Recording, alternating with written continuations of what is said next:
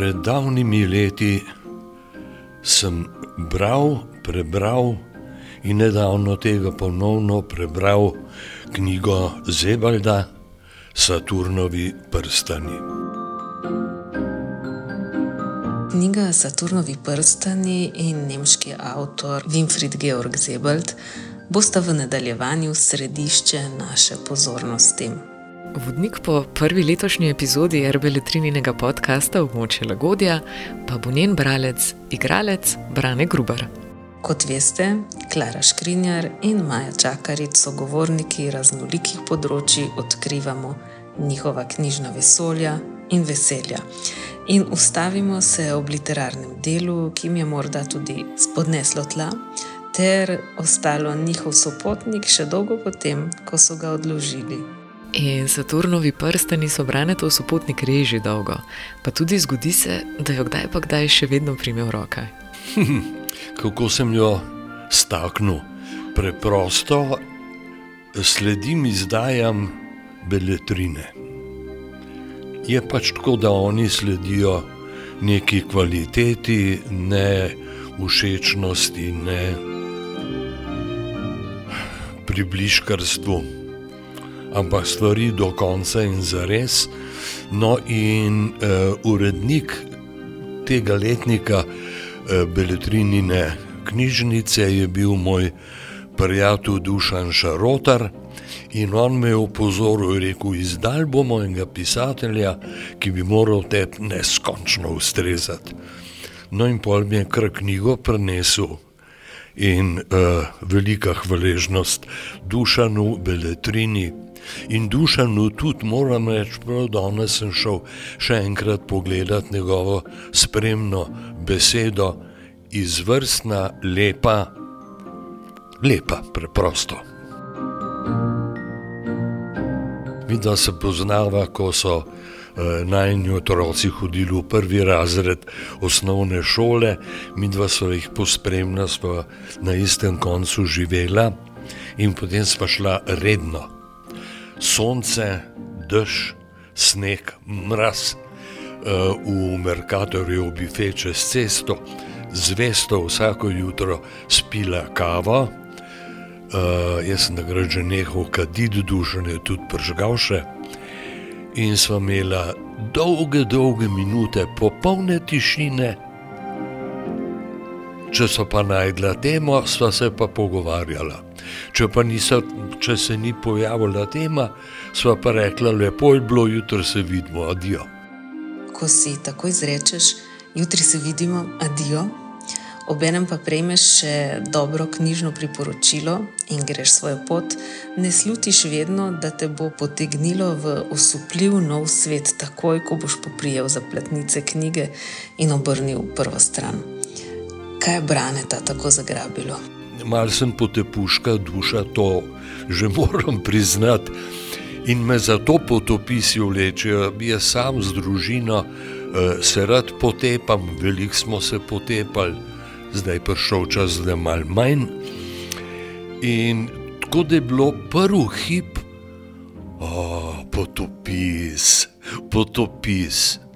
In potem, ko sem se srečal s tem čustvenim, izkustvenim svetom avtorja, sem pa pozabil na potopis, pozabil sem, da hodi kilometre in kilometre daleč po Norfolški obali, skozi ribiška naselja, skozi puste in puščave ob Severnem morju, in sem se predal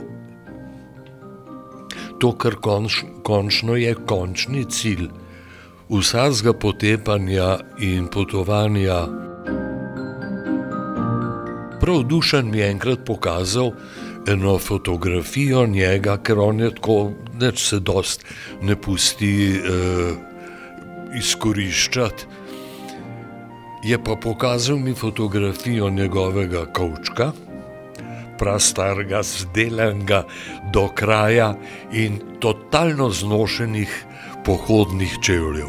Spravi človek je dejansko hodil, hodil, mislil najprej čutil, potem mislil, in potem, kot na začetku piše, se je odločil, ker je bil zaradi eh, ene hude poškodbe in bolezni dolgo v bolnici. Ko je prišel ven, se je odločil, da tole, kar je na mislu, kar je doživel, da bi bilo prav in pošteno tudi zapisati. Torej, ni veliko presenečenja, da se je branje tako hitro ujel s pisateljem. Ne na zadnje, tudi sam veliko hodi. Ja, moram reči, da sam spoznavam, zdaj mi malo eh, koleno nagaja, manj hodim, ampak koliko se da, še vedno. Uh, moram reči, da to zelo natančno razumem. Ker ni lepšega, kot tudi če gremo v dvoje, soprogo ali pa sinom, v glavnem učimo. No, soproga pa sin, ona dva veliko komunicirata, jaz sem v glavnem močeč. In skozi, kako bi rekel, skozi to eno blago mlačno vodo, skozi katero se sprehodimo na taki poti, nas mal opere, očisti in nam naredi prostor za, za nekaj, kar je samo naše, pa do tistega trenutka niti nismo vedeli. Braneta sicer verjetno poznate kot gledališkega in filmskega igralca.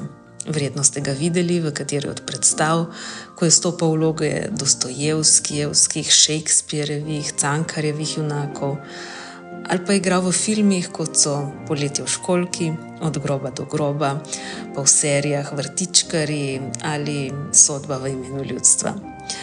V teh tednih ga lahko spremljate v vlogi zdravnika Braneta v seriji Življenje Tomaža Kajzerja. Je pa tudi avtor potopisno-dnevniškega dela Kam drugam, kjer kot jadralec po Jadranu spoznava življenje čistilcev čevljev, otoških samotarjev in ribičev.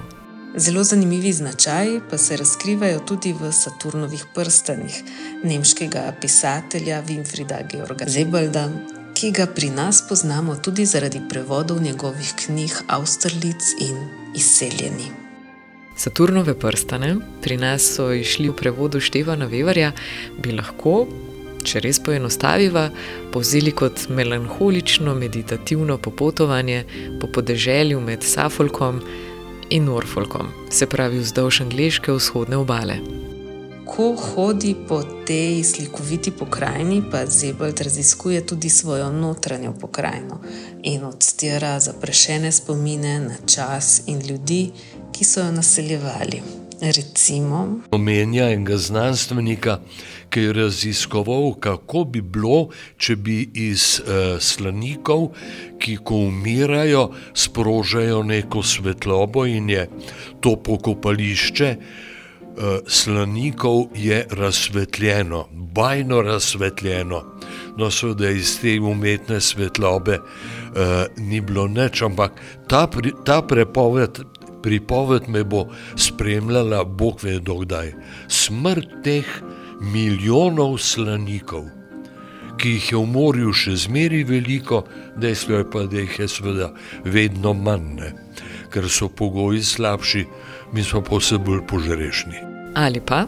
Jaz se zdaj ne spomnim enega norega posestnika, nepopisno bogatega, ki zapusti celo posestvo, vse svoje premoženje, uh, svoji gospodinji in odpusti vse delavce na posesti. Posest se začne zaraščati, propadati, on živi sam s to gospodinjo, kateri zapusti kompletno pre, premoženje, potem si skople nekje uh, eno votlino in ždi in vegetira tako rekoč tam, ampak da kot sodobniki opisujejo, da bolj srečen bil nikoli kot takrat, ko ni imel nič, ko je vse oddal in je ždel v tisti votlini.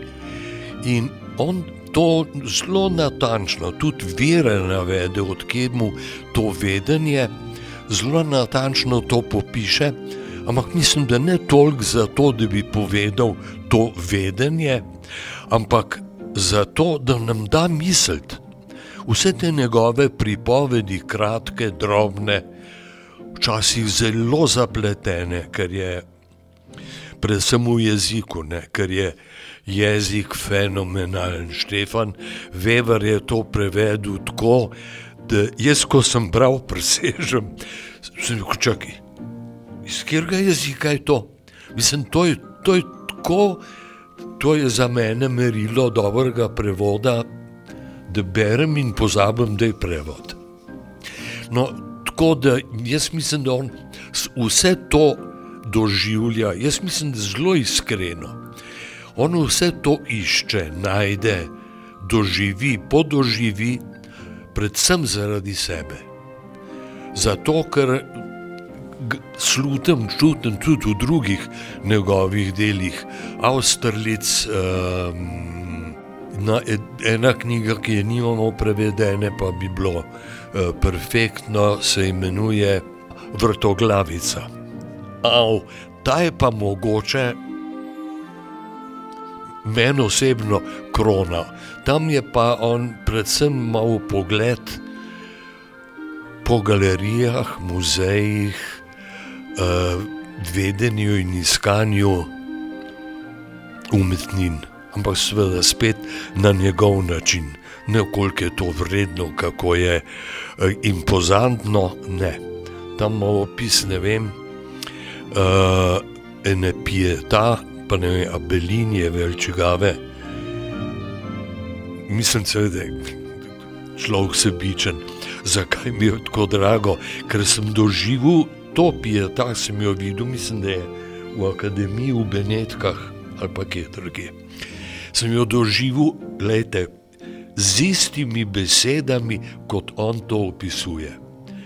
To ta pogled te matere, ki drži to dete, ko je rojeno v naročju in gleda nekam udaljavo, in v tem pogledu je tako, kot da bi videla in vedela vse, kar čaka njo in otroka. Ha, in pogledi pritegnejo tudi Zebeltovo pozornost. Uvodoma v Saturnovih prstanih opisuje sliko, lekcijo iz anatomije dr. Tulpa, eno zgodnejših Rebrantovih, prikazuje pa amsterdamski ceh kirurgov, ki stojijo ob truplu in gledajo seciranje. Ampak, če si malo bolj pozoren, vidiš, da gledajo vse povsod naokrog, le v procese ceranja. Ne? V bistvu je le slikar tisti, ki zrevan. Jaz sem to sliko videl in je predvsem, kar znamo in vemo, in smo videli, in so nam pokazali, uh, ni nič hudega. Ne. Ampak točno to, tega človeka, ki je zazrt v predmet raziskovanja, vsi drugi pa jaz nisem razumel te slike, zakaj. Pa vsak na nek način v svojo smer niti ne vsi v isto smer. Ali je to zadrega pred seciranjem trupla, ali je to ena. Jaz sem pol se odločil, da je eh, ena, eno slikarjevo stališče.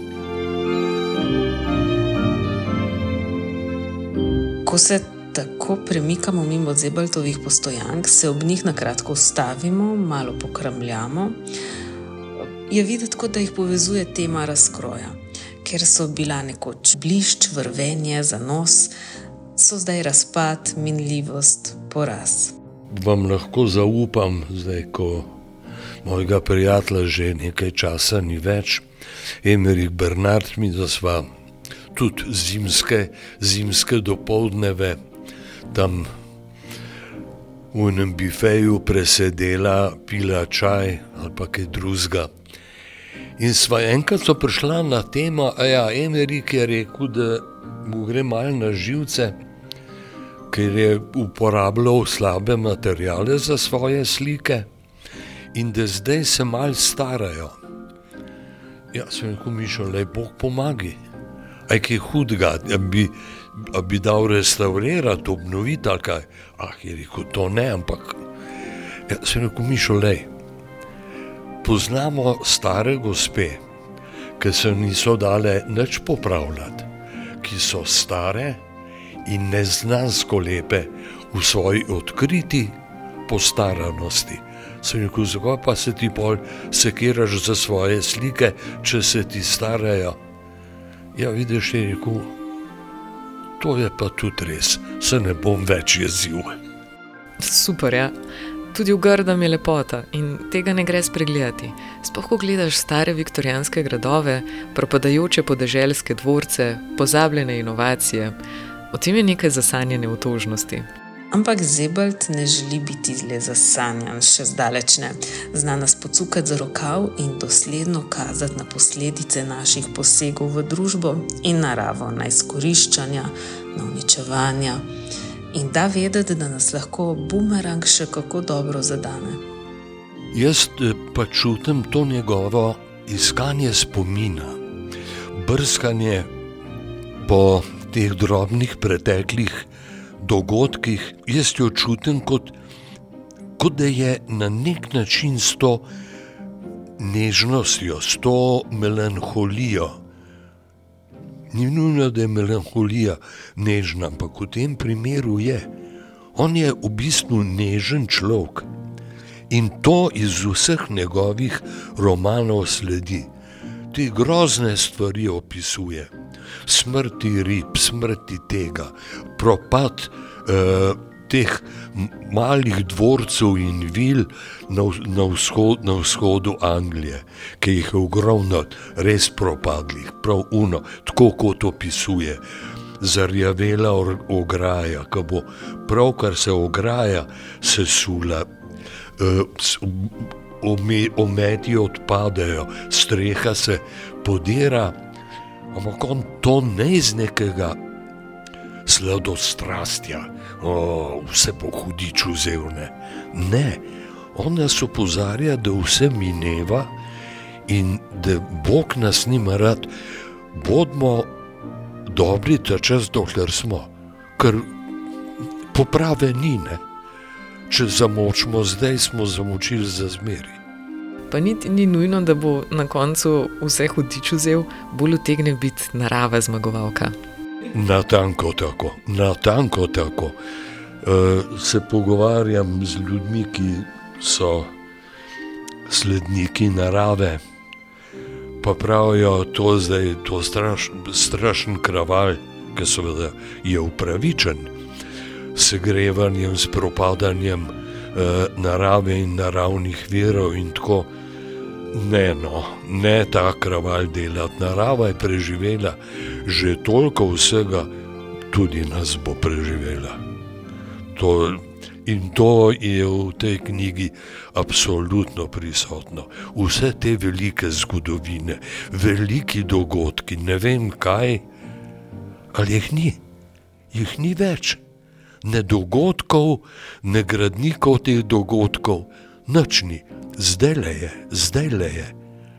Sveda je fino vedeti, odkje je prišlo kaj, da lažje načrtujemo, kam bo šlo. Ja, če bi uporabili bajalico in jo poskusili na heca, da jasno pokaže, ali je braneta ob branju zajemal bolj občutek lagodja ali nelagodja, misliš, da bi se znala enoznačno odločiti? Kaj pa če se izognem gibanju in moraje prepustim besedo? O posameznih točkah opisa razpada, propada, seveda je bilo nelagodje, kaj pa. Ampak, ko sem zaključil cikl teh pripovedi, mi je bilo pa, moram ponazoriti z glasom. Ah, zakaj? Da zna nekdo tako to povedati da s tako prizadetostjo, ampak ne, ne grobo. Nekje v njem mora biti nek feder, ki mu vse to poganja. Vse. In on to dela, jaz sem, kot sem rekel, prepričan. On gre to raziskovati, on išče sebe v tej pokrajini, v hoji, v oblakih, v, tam opisuje eno kotanjo za norjavo vodo v kateri se gledajo drevesa v popolnoma jasnem dnevu, in potem pridejo, pridejo viharni oblaki, in se ta slika spremeni v eno temno, zamoklo gmoto. Madonca sem rekel, to, to, to je. Le, jaz tako doživljam tudi sam svoje pohode, sprehode, grem fotografirati. Točno tako, te menjave svetlobe, meni je to wow. In prav enako se mu najbolj razkriva, ko potuje po svoji domači knjižnici, izbira knjige in jih bere.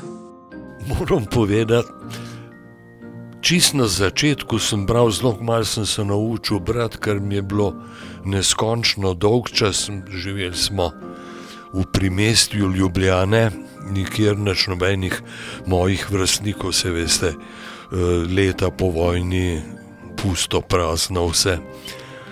In jaz sem začel malo brati, spominjam se najprej zelo scufane nekam boge knjige pravljic Božene Nemcove, potem sem pa dobil, kaj pa vem, Miklaus, novo leto ali kaj takega, eh, prvo slovensko izdajo otroci kapitana Granta. In oče je začel pripravljati material, da bo gradil hišo, ker smo živeli v eni malo nezemljanki, barjanski. In tam so bili naloženi stolpi lesa, gradbenega, in je prišlo poletje, in jaz sem ležal na tistem lesu. Uh, moral sem si nekaj pogrniti, ker je bila smola, seveda, in bi uničil še tistih par kosov obleke, ki sem jih imel. In sem bral otroka kapitana Granta. In danes mi, lejte, spravim skup žila Verna, kapitana Granta in von po svežem lesu, po smoli. In to je von mojega otroštva. Tam je bil jarko, tam je prhajal še von po tej barjanski vodi, to je popolno. In uh, sledim knjigam, knjige sledijo meni. Jaz sem uh, s knjigami in knjige so z mano, ko se bo treba raziti, se bomo pa rašli. Do takrat pa z njim obstaja von po svežem lesu in po smoli.